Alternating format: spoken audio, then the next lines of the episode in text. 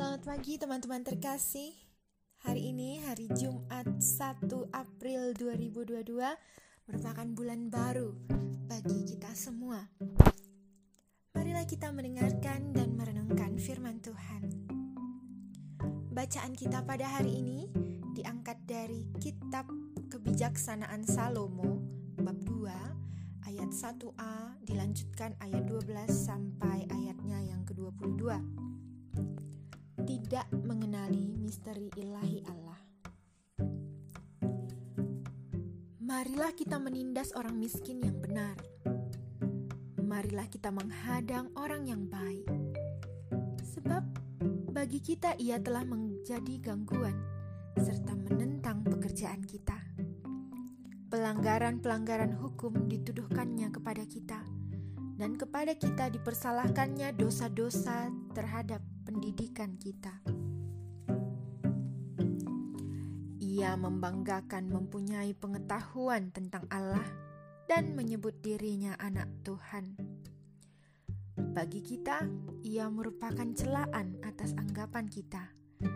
Hanya bagi dia saja sudah berat rasanya bagi kita.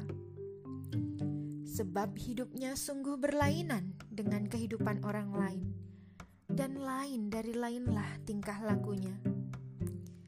Kita dianggap olehnya sebagai seorang yang tidak sejati, dan langkah laku kita dijauhinya seolah-olah najis adanya. Akhir hidup orang benar dipujinya bahagia, dan ia bermegah-megah bahwa Bapaknya ialah Allah. Coba kita lihat, apakah perkataannya benar?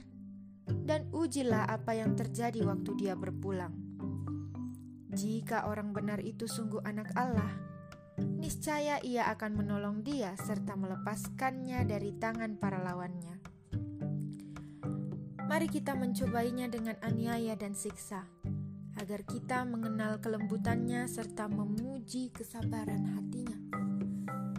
Hendaklah kita menjatuhkan hukuman keji terhadapnya sebab menurut katanya ia pasti mendapat pertolongan.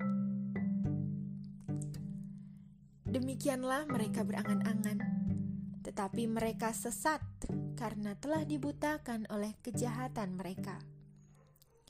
Maka mereka tidak tahu akan rahasia-rahasia Allah, tidak yakin akan ganjaran kesucian, dan tidak menghargakan kemuliaan bagi jiwa yang murni.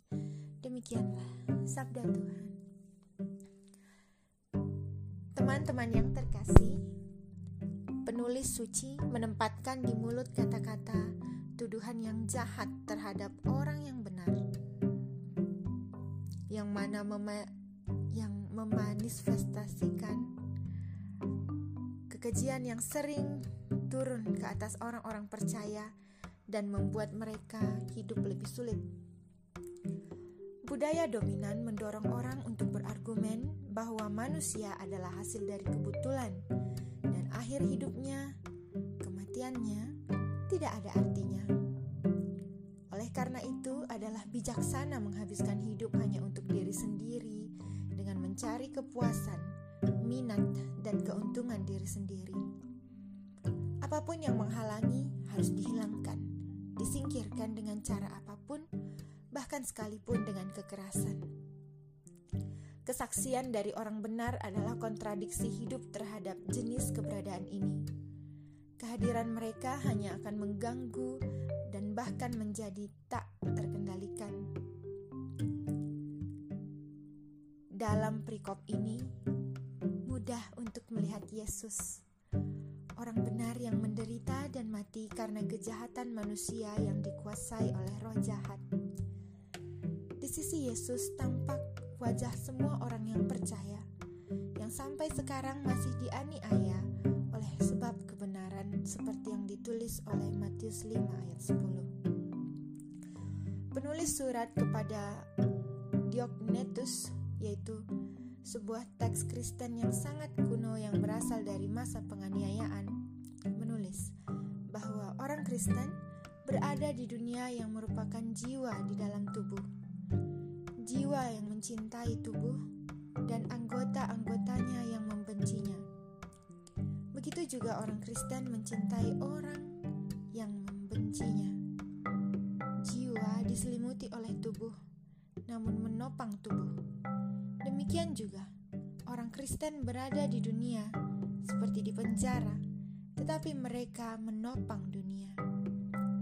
Menjadi jiwa di dalam dunia berarti menopangnya dengan kekuatan cinta. Amin.